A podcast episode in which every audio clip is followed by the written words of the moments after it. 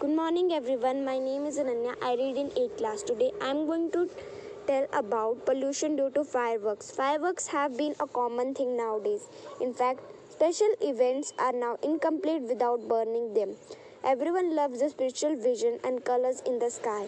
Moreover, the bang it creates are loved by people. Moreover, all the show it only stunning to look at.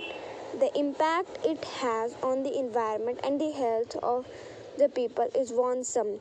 Causes of pollution due to firecrackers. There are various times when firecrackers are burnt in excess.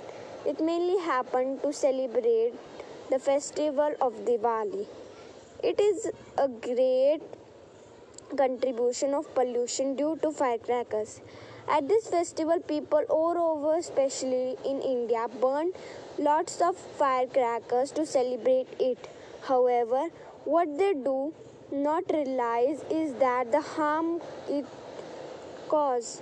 pollution like air and noise are very high at this time impact of pollution due to firecrackers. Firecrackers has a major impact on the quality of life of living being as well as the environment.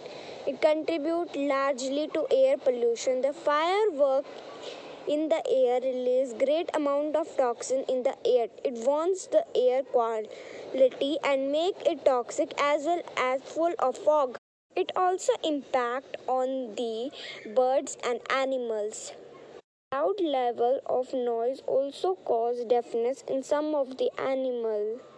The continuous sounds and noises of fireworks are enough to scare them.